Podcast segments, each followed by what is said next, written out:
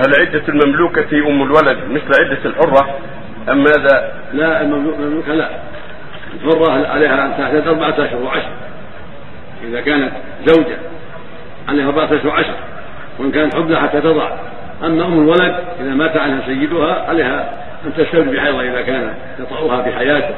ما هي مثل الزوجة والولد تعتد بحيضة فقط على الصحيح. وليس لها حكم الزوجات. إذا كان الإنسان تسرى مثلا واستولدها ثم مات عنها فليس عليها عدة الزوجات ولكن عليها أن تستولي بحيضة ثم تزوج بعد ذلك. كالإمام كسائر الإمام المملوكات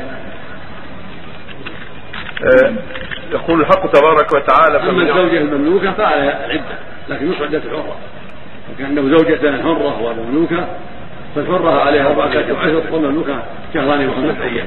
نعم.